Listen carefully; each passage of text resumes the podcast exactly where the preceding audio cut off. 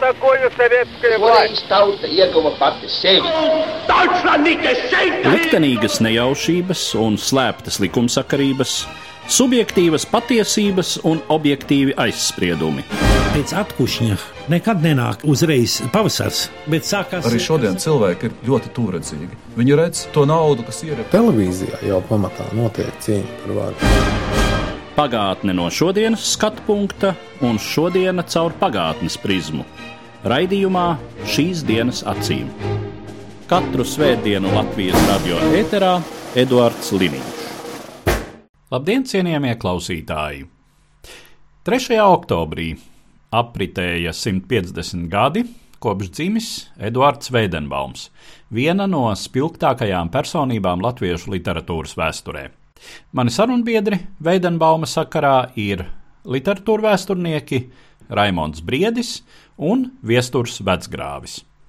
Eduards Veidenbaums vienmēr lasīts, vienmēr pieminēts, laikam gan neviena literatūras vēsture, kas eh, ir pēc pagājušā gadsimta sākuma Latvijā tapusi, nav apgājusi Veidenbaumu, bet arī skatījums uz Veidenbaumu visnotaļ ir laikmetu konjunktūras ietekmēts. Padomju laikā viņš visnotaļ iekļāvās kanonā kā pirmais latviešu revolucionārais dzinieks. Domājot par to, jāsaka, ar mazliet iesūnojušām literatūra vēstures zināšanām, manuprāt, Veidenbaums tomēr ir pirmais latviešu dzējā, kurš iztiek bez tādas nepārprotamas, pat ne ideoloģiskas, bet tādas vispārējā dzējas patosas stutes, kāda viņa priekšgājējiem ir vai nu Bībeles tradīcija, vai tautiskuma tradīcija, attiecīgi vācu romantisma apdarinājumā. Vēl kādam tur vairāk ir tādas uh, tīras apgaismības izjūtas, bet līdz Veidenbaumam latviešu dzinieki tomēr jūtas spiesti vai aicināti rezonēt ar kādu no šīm lielajām idejas estētiskajām kategorijām. Man šī varētu veidot sarežģītāku ainu. Veidenbaum katrs laiks ir izmantojis savos nolūkos. Tur, kur runā par individualitāti, es domāju, ka 90. gadu Veidenbaum izmantoja kā impulsu, jo Veidenbaums jau pats par dzēnieku nekļuva. Viņu padarīja par dzēnieku. Es reizēm domāju par to, ka mēs nekad nezinām, kā Veidenbaums būtu veidojis savus dzējoļus, ja viņš pats būtu veidojis krājumu. Mēs zinām tikai viņa dzējoļus no atsevišķām lapām.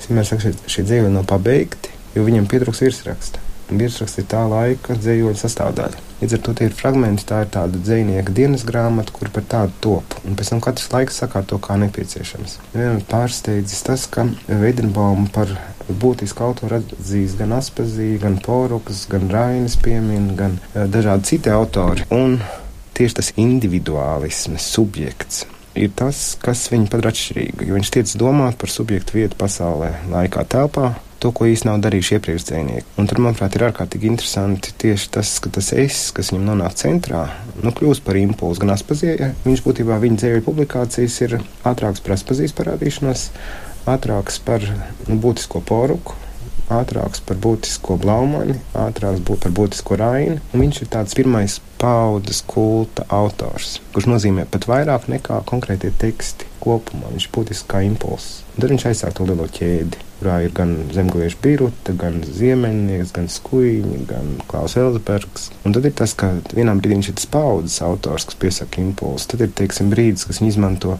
balstoties kādos trīs, četros dzējos, kā sociāli dzīvnieki, kā protestētāji. Tad ir viens brīdis, kad Vedamons ir tas drūmais autors, pesimistiskais autors. Uz fona viņš izskatās tāds. Un tad ir tas, ka viņi izmanto par revolucionāru, respektīvi politisku dumpinieku. Un pēc tam Līvija Valko, kur kopā ar Kulakovu un ar Māru Melgavu padara viņu par protestētāju atkal. Lai viņš arī saglabātos tagad. Un es domāju, ka viņš, manuprāt, ir tāds, kur katrs laiks mazliet pārkārto un tajā kopumā ierauga to, kas ir nepieciešams. Piebilstot Raimondam un savā ziņā oponējot Es gribētu teikt, ka ir ļoti būtiski, ja katrā literāta paudzē ir tāds veidols. Gan šobrīd, gan 20. gadu beigās, 30. gadu pirmajā pusē un vēl vairāk 30. gadu beigās Veidenbaumā nebija. Un ko es uzskatu par Veidenbaumu, kāds būtu vajadzīgs katrā paudzē? Galu galā Veidenbaums ir pirmais mūsu autors, kurš savā dzējā ir absolūti organisks, ironiķis, sarkastisks autors. Veidenbaums ir pirmais, kurš arī galu galā runā par eksistenciālo pesimismu. Un šorīt pārlasot Veidenbauma dzējoļus, Es gandrīz par simts punktiem esmu pārliecināts, ka Veidenbaums ir lielākais mūsu dzējas pesimists, bet ne. Tur ir tā sāls. Man liekas, ka Veidenbaumā dzēja ir aktuāla tādā pavisam šķietami nedzējiskā aspektā. Veidenbaums ļoti apzināti izvairās no poetismiem. Veidenbauma leksika ir ļoti sadzīviska, vienkārša, ikdienas sarunvalodas leksika, un tai pašā laikā ļoti precīza leksika. Un šāda tipa dzinieku es varu ieraudzīt piemēram agrīnajā Aspazijā, noteikti arī agrīnajā Rainī. Bet, ja man eh, jādomā tālāk par mūsu literatūras vēsturi, tāda emocionālu spriedzes dzinieku, kāds ir Veidenbaums, es pēc 19. gadsimta 90. gadiem varu ieraudzīt ļoti, ļoti reti. Es pieminēju tādu jēdzienu kā eksistenciālais pesimisms. Veidenbaums noārda ilūzijas, Veidenbaums noārda pašapmānu. Un tas ir ļoti būtiski, lai redzētu gan cilvēka dabu, gan arī pasauli tādu, kāda tā tik tiešām ir realitātē. Un vēl viena nianse saistībā ar Veidenbauma liriku. Es esmu domājis par to, kā Veidenbaums ar šiem vienkāršumas vārdiem, ar sadzīvisku leksiku, pat žurnālistiski plakātisku leksiku, panāk tādu savas dzējas ekspresivitāti. Un te faktiski jārunā ir noteikti par to, ka mm, Veidenbaumam ir patos, bet šis eh, patos ir ļoti dabisks, ļoti organisks. Tur, kur Veidenbaums tik tiešām nostājas pret tā saucamajiem kapitālistiem, tur viņa patos ir totāli organisks. Tur, kur viņš raksta par mācītājiem, liekaižiem, tur viņa patos arī ir organisks. Un šajā ziņā gandrīz vai vienīgais uh, Veinenbauma līdzinieks mūsu lirikā ir Ojārs Vācietis. Es šat tad pēc Ojāra vāciešam aiziešanas pēc mūsu 90. gadiem esmu domājis par to, ko Ojārs vācietis ar saviem ļoti augstajiem kritērijiem būtu teicis par mūsdienām. Veidenboms arī ir tāds bieži vien nihilists, absolūts pesimists, bet ar to tieši viņš mums ir interesants. Un kādreiz man šķiet tā, ja, ja cilvēks sev apjauš, nu, veidamām dzējā, apjauš tajā ikdienas situācijā, kurā viņš ir, vai arī savas dzīves situācijā, vai tajā iekļaut sevi kā dabas daļu, viņš ierauga tikai to drūmo. Viņš ierauga, ka cilvēku liktenis ir nāve, to viņš saprot. Tad ir tas, ka tā nāve neizbēgama, un tad viņš meklē izēju. Un tad viņš piedāvā vai nu to sociālo cīņu, ko bez mūžības var apmēram cīnīties, bet arī bez tādas gala uzticības tai. Vai kāds baudas, teiksim, kas ļauj aizmirst to drūmo likteni. Viņš vienkārši konstatē, ka cilvēks ir tas, kurā nu, tas lielais gars, vēlme, ideāls ir ieslēpts tajā laicīgajā ķermenī.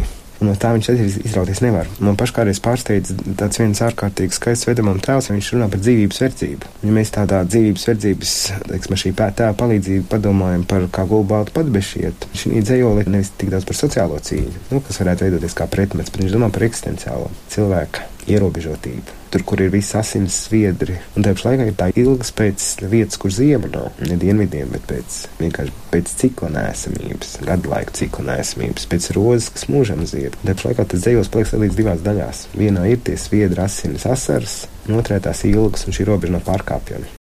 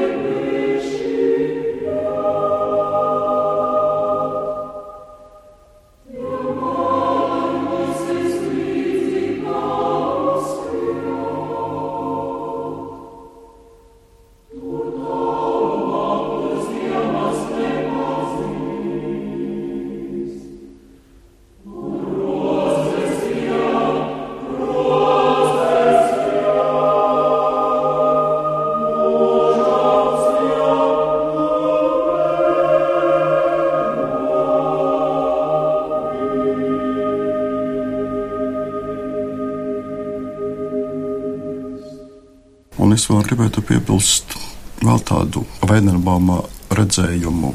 Es nezinu, vai Veidenbaums kaut ko zināja par naturālismu vai viņam vispār naturālisms interesēja, bet Veidenbaums respektēdams un saprastams cilvēka bioloģisko dabu, ir reizē arī viens no mūsu nesaudzīgākajiem naturālistiem. Viņš bija zinātnieks. Jā, tā ir tā pozitīvisma filozofija. Pozitīvisms kā tāds iespējams ir Veidenbaumā nu, filozofijas vai pasaules skatījumā nu, tāds īstais pamats. Veidenbauma sakarā tāda maza niansīte ar kur es uh, sastapos uh, šo to lasot tagad pēdējās dienās, Raini iecer rakstīt lūgu Edvards Veidenbaums. Mm -hmm. Un savās piezīmēs Rainis uh, raksta, nu tad pēdējā ainā Veidenbauma māte varētu, teiksim tā, gremsties par to tik daudz kā saka, naudas izdevām šitā skolojām un nu pagalam. Nu, tas šķiet tā indīgi. Bet ne pret Veidenbaumu. Ne pret Veidenbaumu, pret dzīvi kopumā. Viņš vienkārši veido kontrastu apmēram nu, to, jā. kā pragmātisko pasauli, viņai dotu apsolījumu, ka nu tik būs, un pēkšņi izrādās, ka nē, bet tajā pašā laikā ir tāpat. Upītim kaut kā labāk. Tomēr pie viss tā, ka. ka Upīts arī veidenbām izmantojas. Nu, tieši tā. Paklausījos, pat mūsu fonotēkā ir uh, dramatizējums no plaisas mākoņos, kur no Ošu Anna tagad ir atbraukusi uz kalāčiem tērzē ar mirstošo veidenbaumu un stāsta viņam, ka Rīgas strādnieki jums sūta sveicienus Viņi lasa jūsu dzējas, viņi tās pārraksta, un tad viņi sāk runāt par to, kā būs. Un Vēdenbaums saka, jā, es tagad mirstu, bet roziņš un pliekšāns un stučka nesīs manu darbu tālāk. Tur aiziet tāda tā sociālistiskā realisma pasāža pie mirstošā Vēdenbauma gultas. Un Edvardam Līniņam arī ir lūk par Vēdenbaumu. Jā, nu, tas bija kurs darbs, un tādā līmenī arī rakstīts. Jā, vispār tā domāju, nu kas tad man lika pievērsties. Nu, tur bija kaut kādi individuāli, tīri personiski motīvi. Idejas pamatā bija attiecības starp diviem draugiem, Edvardu Veidenbaumu un Edvardu Trēmanu Zvārgulu. Tur bija tieši šis moments, kas man šķita tajā brīdī ārkārtīgi interesants un interpretēšanas vērts. Veidenbauma dzīves izjūta un Trēmaņa Zvārguļa dzīves izjūta. Divi personības ceļi, Veidenbauma īsais, spožais mūžs, vārguļa ilgais. Un jaunībā spožais? Jaunībā spožais, vēlāk diezgan rimtais, kā man likās. Absolūti atšķirīgie pasaules skatījumi. Vispār tas darbs jau nu, īsti nav laikam tā vērts, lai tam tērētu tādu ēteru laiku. Bet, nu jā, tāda aizraušanās bija, un mans uh, draugs un jauno literātu cītīgs audzinātājs Jānis Elsbergs savā laikā arī vienā sarunā teica, ka pie šī paša galda, starp citu, runājot toreiz par Klāvu Elsbergu, piesauc vēl tos dziniekus, kurus topošie dzinieki mēdz salasīties, no kuriem viņi mēdz ietekmēties. Viņš sauc vēl Čaku un Veidenbaumu. Trīs. Viņš saka, Klaus, Čaks un Veidenbaums. Bet ir lieli impulsi, kur ir iespaidojuši visvēlāk. Nu, ir arī tās etiķetes, kuras gan literatūras zinātnieki, gan žurnālisti arī dzen grēkojot pielipina. Bet tur jau nav, manuprāt, būtiski, vai tā ir etiķete vai nē, bet tas ir tā veida, mums jau nav tikai dzējoļi, kurus var izlasīt vienā laikā. Tur vienlaikus būs leģenda par dzīvi. Tur būs, teiksim, tās leģendas interpretācijas. Viens pretojoties leģendai, lasīs dzēju, viens lasīs dzēju, atradīs biogrāfiju. No biogrāfijas atlasīs kaut ko, kas būs nepieciešams. Līdz ar to viņš nav tāds, kas būtu izveidojis par vienu ļoti stabilu es nezinu, pieminiektu dziniekam vai kaut kādu ļoti kanonisku tekstu kopumu, bet viņš tajā pastāvīgā mainīgumā ļaujas pārkārtoties. Un tur ir sākot no tā, ka tur ir personiska problemātika, līdz tur ir ārkārtīgi spēcīga kaut kāda laika klātbūtne. Un par tām ietekmēm, es domāju, tur noteikti varētu ieraudzīt gan sentimentālas dzēju klātesošu, gan tur var teikt, protams, ka tā ir novēršanās no tautiskā romantisma, koptās folkloras, poētikas vai kaut kas tamlīdzīgs, bet tajā pašā laikā tur ir ārkārtīgi spēcīga dziesmu grāmatas tradīcija, manuprāt, klātesoša. Lutāņu baznīcas dziesmu grāmata, kurai tur, manuprāt, vajadzētu būt klātesošai. Viņš vienkārši ir, viņš domā. Jā, es, bet es tev gribu teikt, ka tā ir vairāk polemika ar to tradīciju. Jā, bet tajā pašā laikā viņš izmanto tēlus, viņš jā, izmanto ritmus, būtu no turienes. Mēs kādreiz sākam domāt tieši to par, nu, ja mēs domājam par tādu vidzemes tradīciju, tur ir, nu, teiksim, mēs domājam par brāļu draugu dziesmām, mēs domājam par baznīcas dziesmu grāmatām. Viņai ir jābūt ļoti spēcīgi klātesošai. Jā, un tas man liekas pat neizbēgami atceroties. Jā Veidenbaumu bērnību. Jā. Nu, jā. Tas absolūti neizbēgami. Bet mani ir sākumā ļoti pārsteigusi, tagad vairs ne. Viena Veidenbaumā lirikas ietekmes tradīcijā. Veidenbaumu, lai cik tas nebūtu paradoxāli, par vienu no saviem tuvākajiem dziniekiem ir uzskatījis latviešu maigais liriķis Kārlis Skalbe. Veidarbauma ir ļoti respektējis Valdis Grēviņš atrast kaut kādu veidojumamisku tradīciju Kārļa Skalbes lirikā, varbūt var tikai viņa agrīnajos krājumos. Bet to, ka veidojums ir devis impulsus ļoti daudzām pretējiem.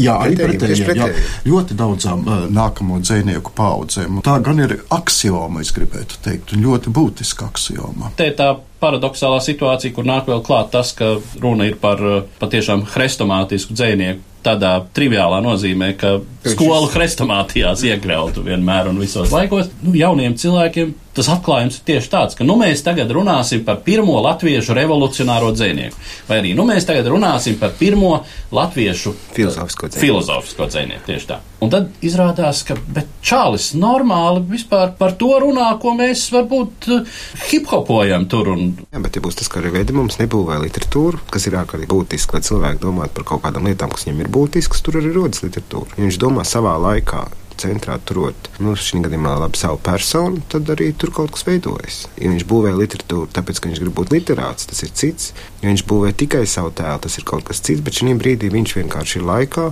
tas laiks kaut kādā veidā ar viņu darbojas.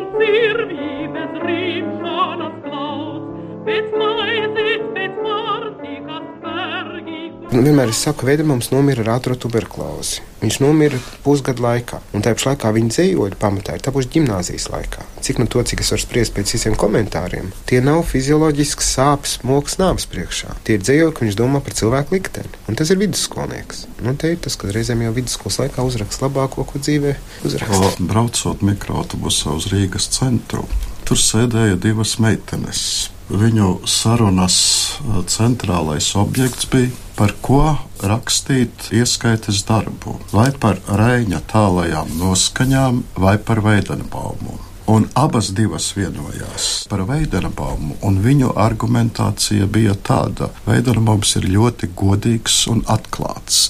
Man tajā brīdī gribējās paprasīt, vai Rainis nav godīgs un atklāts, bet es tā kā nobaidījos, bet vienalga šīs te divas tēzītes, godīgs un atklāts, man liekas, ka tā ir būtiska nianse, kas parāda, ka Veidenbauma dzēja vairāk ir tuva mūsdienu jaunatnei nekā raļa lirikā. man liekas, ka vienmēr ir. Nu, Kopš es sevi atceros, mācījies skolā 70. un 80. gados, tā ir bijis vienmēr. Nu, Bet viņš ir jauns. Rainis vienkārši ir vecāks. Un Rainis ne mazāk godīgi, bet viņš vienkārši domā savādāk. Ne, bet Te es formulēju tā kā Jā, jā, jā, tas ir ļoti labs tas formulējums. Ir. Viestur sākumā pieminēja par tiem 30 gadiem. Tur ļoti interesanti ir, ka līdz 20 gadiem, līdz būtībā līdz eglis sastādītiem rakstiem, veidojumam izdod diezgan daudz. Tad, kad ir raksti, te ir tas dzinieks, kurš ir kļuvis par kopotu zinātnisku būtībā rakstu objektu, viņš ir sastādīts, tad ir tiešām cits laiks, un veidojumams līdz 30 gadiem netiek izdots. Un tad nākošā popularitāte ir 46. gads, kurš izmanto to pašu reglas kārtojumu. Bet tur arī saprotams, ir, ka tas jau ir pilnīgi cits laiks, kurā arī tas, ko lasīt, ir daudz vairāk.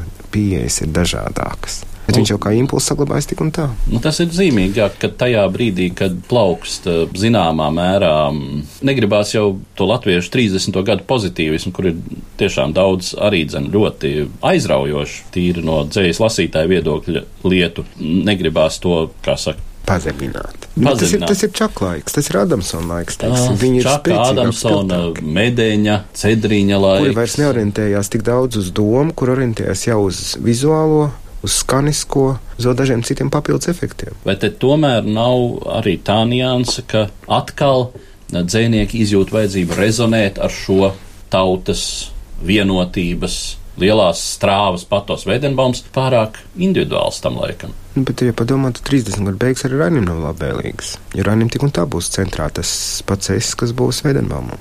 Ko viesturs Nu, saka? Viestur. Viesturam jā, jāspriež tagad. Raņa ir recepts ir tiesa. 30 gadu otrajā pusē. Es domāju, ka tā ir tāda diezgan vienkāršota 30. gadu otrajā pusē. Nevar tur ir vienkārši cita Faktiski funkcionē atsevišķu Raina biogrāfijas izpēte. klasiska Jā, izpēte. jā, teiksim. jā, Te tas jā, viens variants, jā. vien, vienam brīdim sastings kā klasiķis, kur pēta zinātnieki, par kuru interesēs, nu, teiksim, kāds Pēters Birkerts vai kaut kas tam līdzīgs. Bet redziet, te ir vēl viens interesants moments. Nu, piemēram, Raina vētras sēja, tas ir mūsdienās absolūti miris krājums. Lielā- nesaka, nesaka. Eh, Ir, ir arī tālajās noskaņās. Nu, ir tomēr dzējoļi, kuri skaidri vērsti uz savu laikmetu. Ah. Eh, Veiderbaums ir ieguvis jau tādu ārpuslaicīgu raksturu, un tas man šķiet ļoti Jā, simpātiski. runājot par tēliem, nokāpju pilsētas dūmos un tvaikos uh, Raina. Tātad šī konkrētā kapitalistiskās pilsētas realitāte, manuprāt, nu, ļoti uztverama tiem, kuri zina tā laika literatūru, kontekstu, un kuriem patīk, teiksim, kostīmu filmas, kuras rāda 19. gadsimta beigu, 20. gadsimta sākumu šo Mhm. vidi. Veidenbauma, kur pēc maizes, pēc pārtiks verga, kur sauc, nav šīs viņš asociācijas ar par sociālajiem vergiem. Viņš runā par pazemoto, Viņš es nezinu, vienu sociālo kārtu, viņš runā par cilvēkiem. Jā, viņš runā par cilvēka dzīves verdzību, kuram vienkārši ir jākalpo pēc maizes, respektīvi jādabū maize, viņam ir jā, savs ķermenis jāizvelk cauri visam, viņš ir pakļauts tam, ka kāds, kurš būs stiprāks, viņu samīs, un tā ir cīņa, no kuras nevar izvairīties, un visur plūdīs sviedru, un visur plūdīs asars, bet tas ir domāts par cilvēku. Agulbi, balti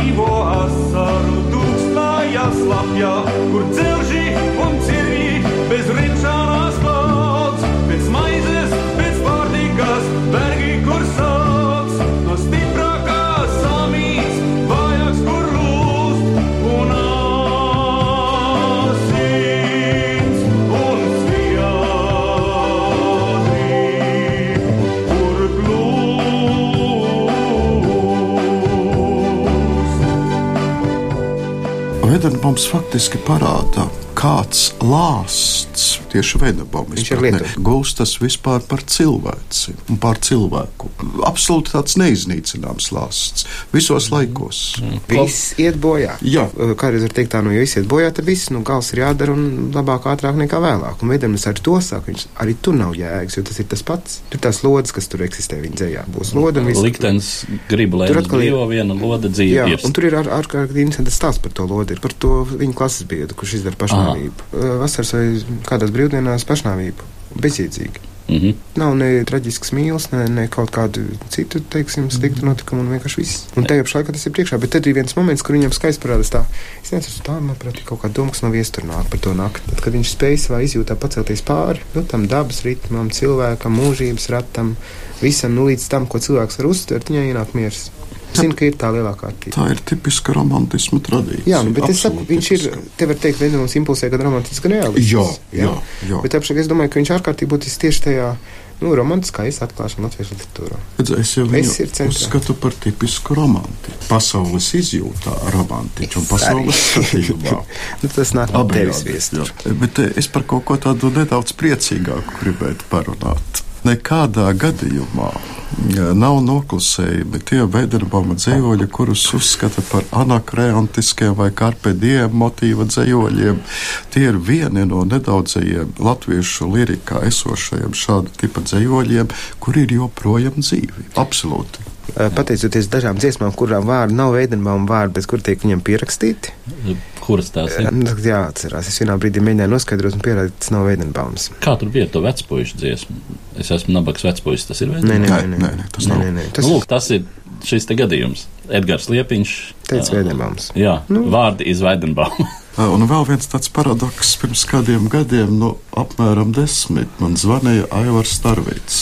Viņš jau tajā viesturā klausies, tagad izpildīja to dziesmu vecais dzelzgriezējs. Tas taču ir uh, Veidenabauma teksts. Es teicu, nē, nu ko tu, tas ir Grēviņa teksts. Jā. Un tad Aivars bija ļoti apjucis, viņš teica, nevar būt. Es teicu, Nevar es garantēju. Ja Ja? teikt, tradīcija atpazina. Jā, tradīciju atpazīstināja, bet tas ir zīmīgi, ka pirmā Smalkais. asociācija Veidenabaums. Smalkais, uh, niansētais liriķis grēviņš. Nu, Bet tas parasti ir pārsteigums. Tā. Nu, vispār jā. Sevišķi, ja, ja dzird to komponēto variantu, kas ir roka stilistikā. Tāpēc arī viņi lielā mērā zina. Tā kā šeit ir melodija diezgan liela nozīme. Veidenbaum arī zina, protams, pateicoties un ne tikai Kulako dziesmām, un, un laikam arī rinda, ar kuru es sāku, tā klišejiskākā rinda, ar kuru Veidenbaum visi atpazīst, kā gulbi balti padebeši. Tur nav gulbi. Tur ir tikai padebeši. Nu, jā, Bet Tie gulbi, un tie gulbi taču ceļo. Gulbi arī daudz klātsoši. Dzējoļos. Jā. Tur ir salasīta vienkārši to gulbu Nu, tradīciju, kā, nu, no kura nāk no šīs uz rīnas. saulē no tālu, saulē no tālu. Nu, tas jau būs lielietā, bet tas bija vienā tādā diletantu krājumā, kur mēs ieraudzījām, tur bija tikai divas iespējamās alūzijas. Viena bija Veidenbauma gulbi, un otra bija Mārzālīte. Vairāk tur nebija neviena alūzija uz kaut ko citu. Bet tie gulbi, kur salīdzinām ar padebiešiem, ir ļoti tradicionāli. Nu, jebkurš var salīdzināt, bet es domāju, latviešu vismaz kontekstā, jebkurš mākoņu un gulbi satuvinājums ir ģenētiski saistīts ar šiem gulbiem. Pateicoties skolām, pateicoties diviem komponentiem, manuprāt. diviem vismaz. Jā, man vēl viena cita pavisam doma, tāpat tagad ar jums divi tā sarunājoties. Manuprāt, Veidanaboms ir absolūts nonkonformists. Absolūti dzimis kā nonkonformists. Protams, arī viņam dzīve piespēlē attiecīgas kārtas. Bet uh, iedomāties Veidanabaumu kaut kādā pluspozīcijā ir ļoti grūti. Tas tam ir pēkšņā ideja. Te ir tas, ka viņš pasaka, ka cilvēka liktenis ir būt mirstīgam. Vēl asāk, cilvēka liktenis. ir nāve. Jā, jā, jā. Nu, es vienkārši tādu maigāk to pasaku. Bet tajā pašā laikā nu, tas ir tas viens. Viņš redz to finalitāti. Citi redz to ceļu līdz tam. Un Viņš arī pārdzīvo to finalitāti. Arī tas ir būtiski. Nu, tas ir jau arī porok līmenis. ir. Bet, bet tur ir tas, ka viņš ļoti mazā teksta kopā vienkārši dara lielus Un darbus. noslēdzot šo sarunu, tā varētu būt atbilde tam, kāpēc Veidenbaums ir tik joprojām nemirstīgs latviešu dzējā, kā ir nāve vajadzīgajā proporcijā viņa tekstos. Tas būs cīniski teikt. Nebūtu ne. Šī bija saruna par dzinieku Eduardu Veidenbaumu, kopš kura dzimšanas 3. oktobrī apritēja 150 gadi. Mani sarunbiedri studijā bija literatūra vēsturnieki Raimons Briedis un Viesturs Vecgrāvis. Katru svētdienu Latvijas radio viens par pagātni sarunājas Eduards Liniņš.